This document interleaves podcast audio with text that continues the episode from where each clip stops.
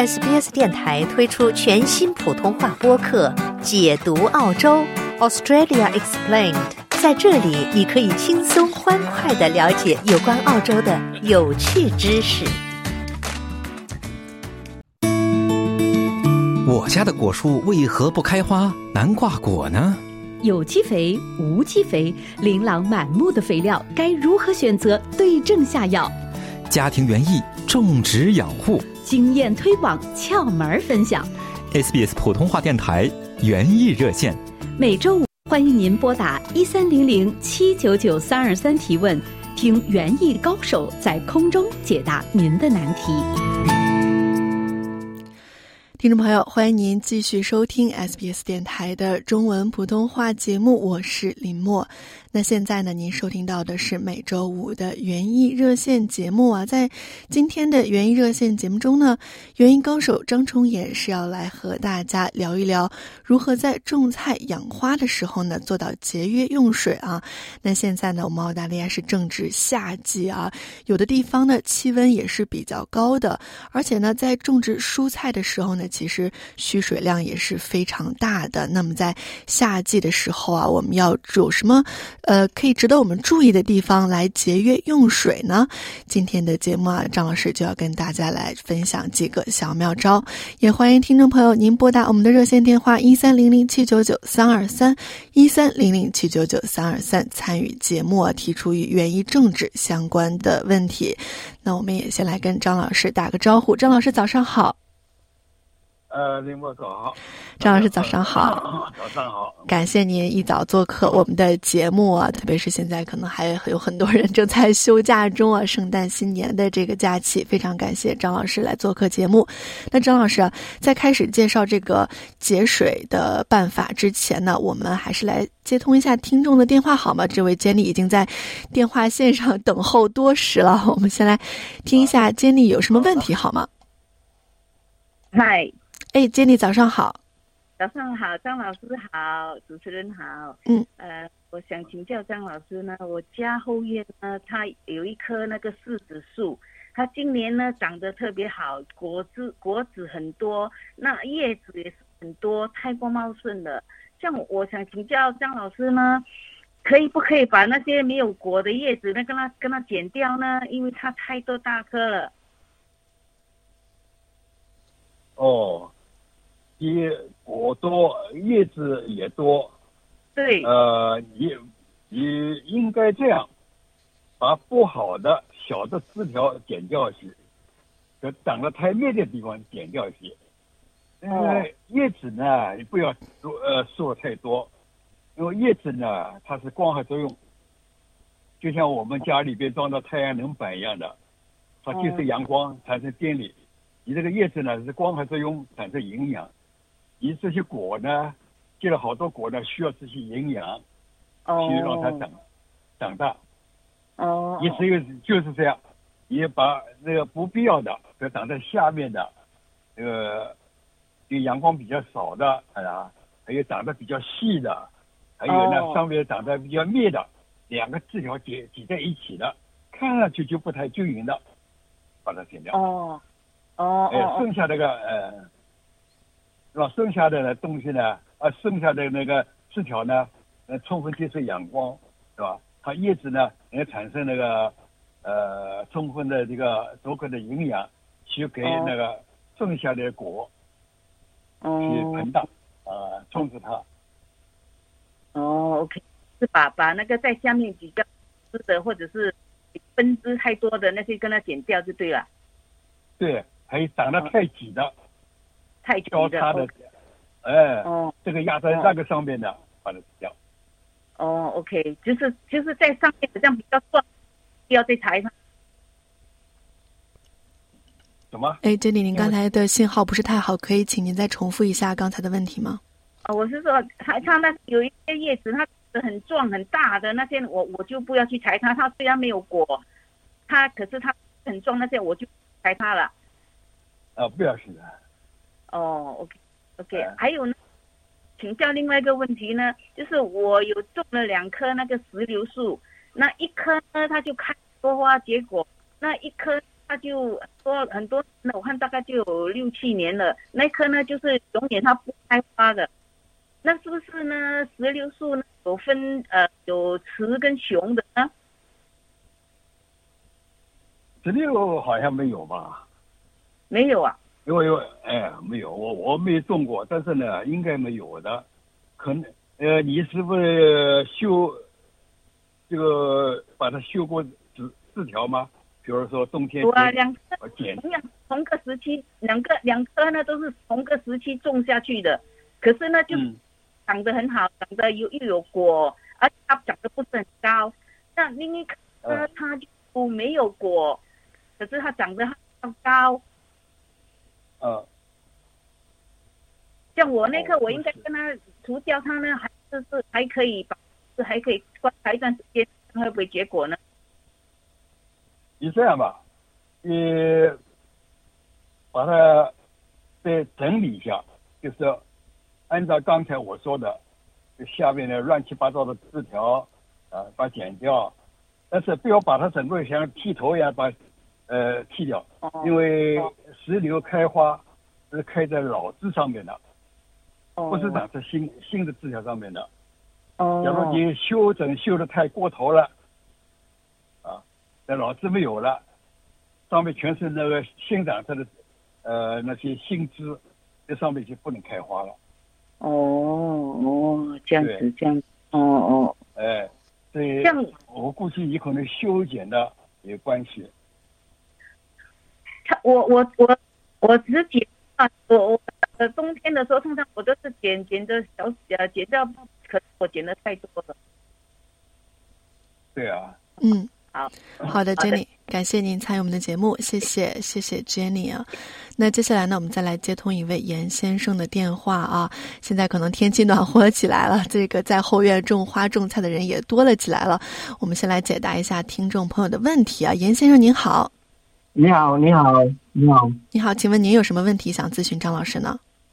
我我呃请教老师，我种那个西西红柿啊，西红柿，我不知道为什么它的叶子它收缩起来啊，慢慢慢慢就好像失去生命这样了。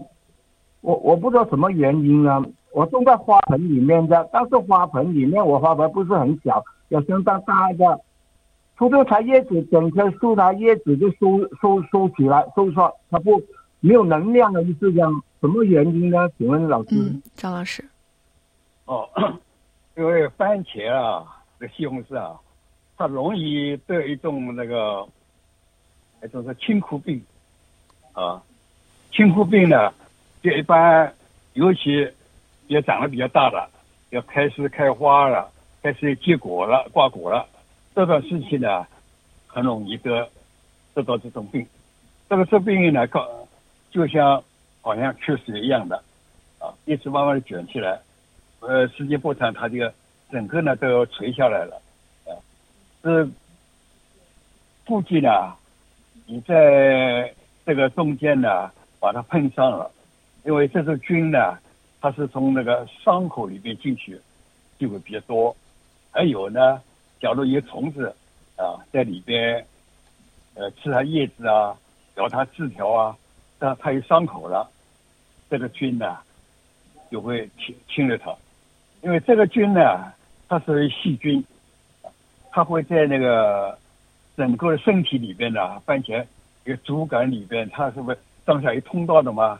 把水分输出上去，对吧？营养下来，它在这个里边，这个通道里边，它会在这个里边呢，会比如说分泌物引起它那个会堵塞这个管道，就像人的血管一样的，堵塞了以后就心肌梗塞。对吧？嗯心肌梗塞那就命不长。它的番茄也是这样，它上下输送的管道不通了，那个营养就水分上不上去了，它叶子会卷起来了。那还有没有什么办法可以来这个救治呢？张老师？这个很难的，嗯。呃，因为你喷药了，现在都来不及，因为为什么呢？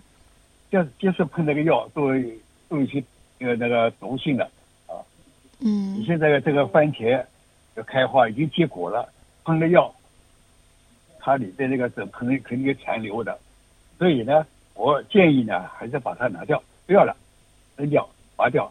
这土壤呢，里边呢撒些石灰，啊，这搅拌一下，放在土壤里，放放在呃太阳下边晒一下，把它消毒。啊嗯啊哎，还有老师，请问老师，那这样它会传染给这边那棵番茄树吗？会传染吗？会传染吗？张老师？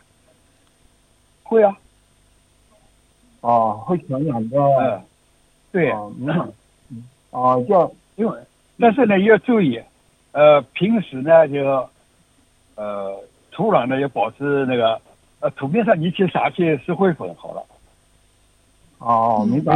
防止那个，哎、防止那个细菌那个过来过去，因为有石灰在呢，这个细菌呢不能在上面繁殖，啊、嗯。还要小心，哎、不要不给它一个伤口，啊、假如你比如说有的枝条不好了，长出来的呃差多，呃多余的的的的分支啊，这个刀呢最好消下毒啊，哦，明白。呃哎用酒精那个纸片呢把它摸一下，把它消毒。好，嗯，好的还。有，嗯，啊，还有还有啊，嗯嗯，老师，像鱼是说那个树鱼不能要拔掉它了，鱼才不要的了啊，不能要了，不能要了。嗯，番茄是不能要了，对吗，张老师？呃，这个不要了，嗯啊，还有那个呃草木草木灰可以用吗？草木灰呃，草木灰好的，草木灰呢呃它是碱性的，也能起到杀菌作用，它也是很好的钾肥。尤其你要要挂果的时候用草木灰非常好。好好好的，好的，谢谢你啊，谢谢你，好的，啊感谢严先生参与我们的节目，哎谢谢，谢谢严先生，谢谢。嗯，那接下来一位是温迪，温迪你好，哦，哎呦，轮到我了。哎，请问您有什么问题？可以听到吗？不，哎呦，我我不知道你们这里面到底几几个几个几几个主持？你好，温迪，请问你有什么问题想请教张老师吗？我我现在觉得这里面怎么乱哄哄的？到底几个主持啊？您是听不清楚我们的节目吗？听得清楚啊？我怎么能听不清楚？我听了多少年了？请问您有什么问题呢？这不是现在讲植物吗？对，那现在呢？那这个这个电台到底是我的我我我的电话不对？呃，电话是对的。您有呃关于园艺的问题吗？有关于园艺的问题想要问张老师吗？现在对不？哎，温迪，您如果听不清我们的电话的话呢，您可以跟我们的导播联系一下，或者您再拨通一下我们的电话。也感谢您的参与。那张老师啊，现在呢，我们澳大利亚也正是夏季啊，在夏天的时候呢，可能蔬菜啊或者花呀、这种需水量也是比较大的。那么在夏季啊，我们种菜、种花的时候，在浇水的时候，有一些什么需要注意的地方吗？呃，夏天呢，肯定水呢用的比较多，嗯啊，消耗水呢就很多了。但是我们要怎样想办法，可以把水，呃，减用少量的水，同样的把种把菜啊，把这些花啊都种得好。嗯啊因为水呢，在植物生命中呢是不能缺水的，嗯缺水它就枯萎死了。啊，呃，所有的我们施的肥，我们浇的水，都是通过呢那个水的作用，把它输送到那个树叶上面去。树叶上面经过光合作用产生那个营养物质，再通过水往下输送。啊，所以水呢，等于像个我们打个比方吧，嗯容易像个火车，像一列火车。这水的作用呢，就是把根里边的矿物质啊，那，采的矿矿物质，把它送上去。但是它火车头啊，它的动力哪里来呢？就是太阳把这个水呢晒的蒸发，通过叶面的蒸发，稍微把它水呢抽上去。所以水的蒸发呢是它的动力啊。呃，我们说浇上这些水，真正的被植物吸收的才百分之一。嗯，百分之九十九都被蒸发了。都被蒸发。嗯这是它那个物质跟水分往上运送的。因为你看一棵树可以长几十米高，嗯啊要把这个水靠人力把它提上去都要花花很大的劲了。没错，啊所以它这个自然就是安排的很好，靠所有叶片啊蒸发蒸发，它就往上面吸，产生一个吸力啊嗯，把它的水分呢提上去了。嗯所以这个消耗的百分之九十呢都是水，所以水呢就在我们种菜当中呢是非常重要的。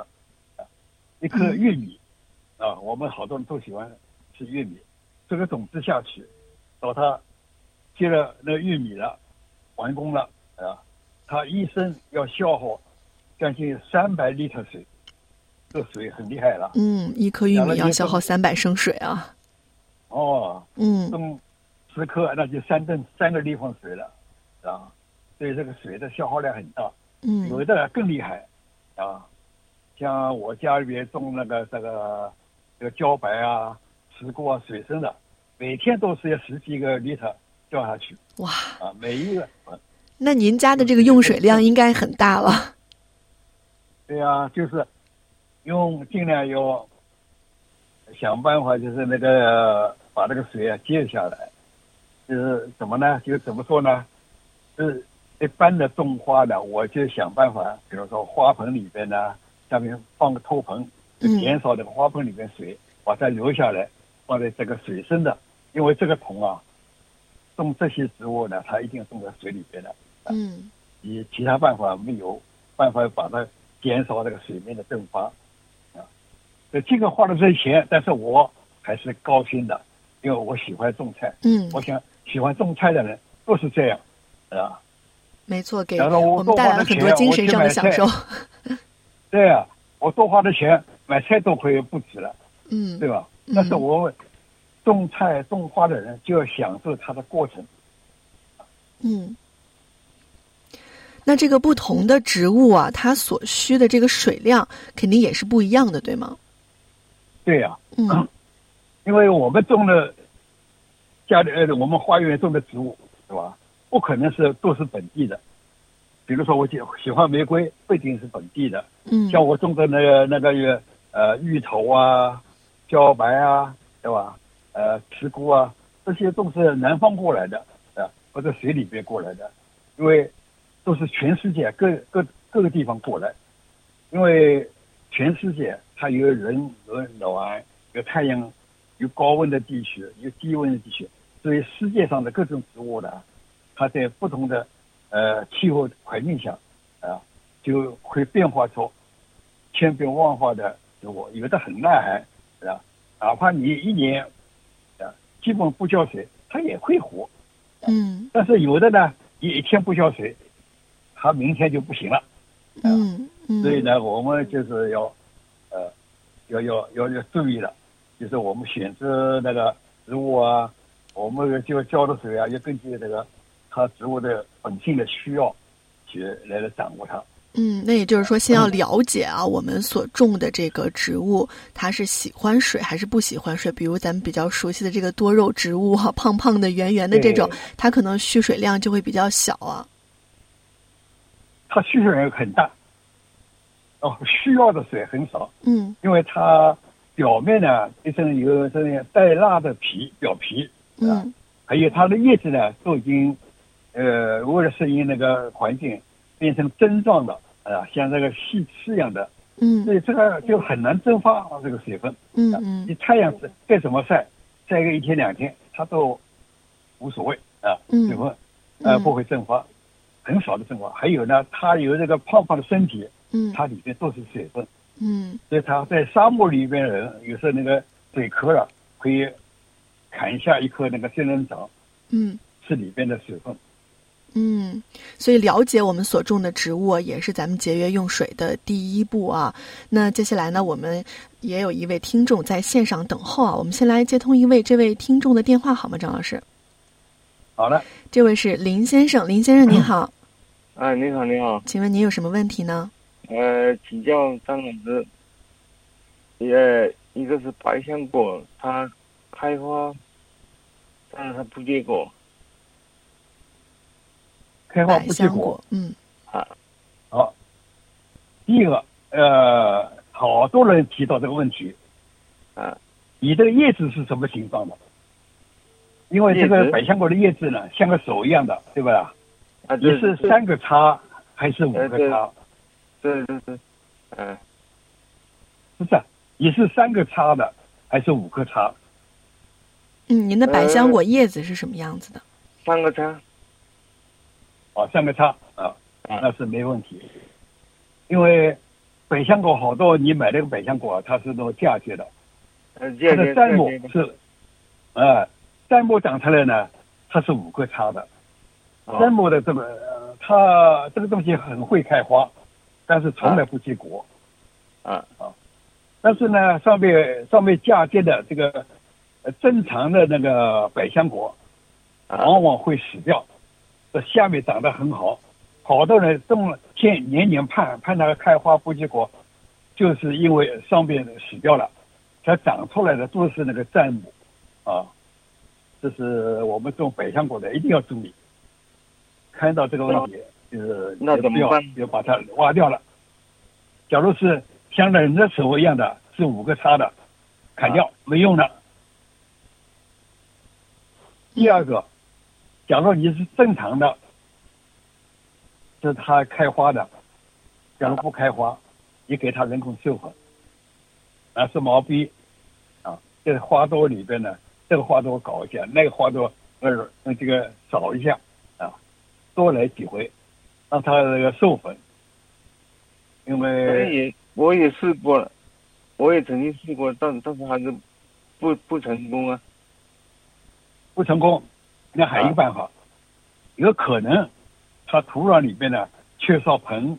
啊，哦，缺少硼以后呢，它里边那个性气管，就是那个花粉啊，它那个吃的花呃花粥啊，啊里边的脂肪发育不好，发育不好，它就是你给它人工授粉，它还是不能怀孕，啊，所以呢，那你去，去去马上去买一罐那个硼砂，到那个大的超市，超市那个放清洁用品那个架子上找，Orix 啊。U O R A X，这些硼砂，啊。然后用千分之二的比例，一个 liter 里边水放两克，啊，把它融化以后喷叶子，嗯，哦，每喷叶子。各个三天，呃，三个各个三天五天喷一次，哦。各个几天再喷一次，啊。哦。这样连续喷了以后呢，因为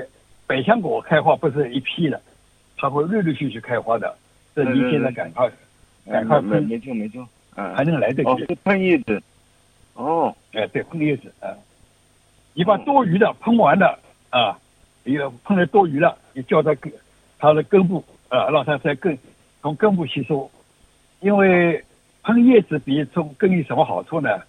因为你现在是已经开花结果了，最好呢，你用上这个，它马上能吸收。啊，我们喷叶子，等一下我们到那个病房里边打吊滴一样的，直接进血管，哦。它呃发生作用快。你哦收到土壤里边，再通过根部吸收上去，那就比较慢了。哦。哦，嗯，还有一个问题，呃，那那那个芒果啊，嗯，但是结果以后大概呃花生这么大开始就就可以掉果了，芒果是这样的，啊。芒果一开花，上面有千万个朵花，啊。不是每一个朵花都能结的，可能哦一百分之一，啊。它能够有百分之一结呃结成果呢，已经是很 lucky 了。啊，掉花是正常的，已经掉到最后，啊。对呀、花那个它是结很很快就结了很小的果了嘛，像黄豆这么大，啊，啊最后就掉了很多，啊。对吧？每个花序上面可能一个两个，嗯。啊，我这我这样子，它开花呃结果以后呢，我我已经把那个所谓多余的果已经给它给它拿掉了，就剩下了啊一一两个了。它最后它还是会那个变黄色的，然后掉掉下来。那怎那你？可以，那你可以用再追加些肥，有什么肥呢？就钾肥。钾肥。哦，对当然了，你最好用那个钾啊、镁啊、啊磷肥啊这些说这这几个一起用。嗯，对，我我平时施我以肥买那个专门那个那个适合水果的那那个肥料哎，这应该很好啊。啊，但是就就奇怪了，为为什么它它一直就是掉果呢？呃，这这个，因为没看到东西，你哦具体怎么施肥又不清楚。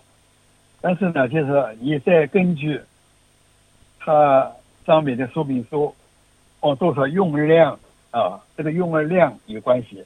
还有好多都是它基本上是叫你要一个星期、两个天用一次。但好多人呢，看到买来了，哦，不用了，要换换下去。哦就一个两个月都不去管它，它不够的，啊，嗯就像我们平时吃维他命一样的，要按时按顿的吃，它才能发挥作用。嗯，林先生，你也可以看一下说明书上推荐的这个用量啊和这个频率，再看看是不是可以来给啊这个芒果树施一下肥。感谢感谢您参与我们的节目，谢谢哎谢谢林先生，谢谢。那张老师啊，我们在谈到这个呃家庭理财的时候，是会经常用到一个词啊，叫做开源节流哈。那在这个呃我们说节约用水的时候，是不是也要做到开源，同时去节流呢？对啊，这个就像我们这个理财一样的，嗯啊，把多余财哎多余钱存银行，到用的时候再去拿出来。嗯啊呃，我们家作为家庭来说，我们的水的来源有两个啊，一个就自来水，啊，龙头一一开，哗哗哗浇水了。嗯第二个就是下雨的水，嗯是老天爷给我们的恩赐。嗯但是我们把这个恩赐都浪费了，那就对不起了。所以现在呢，政府也呃提倡大家在家里边都是要有储水罐。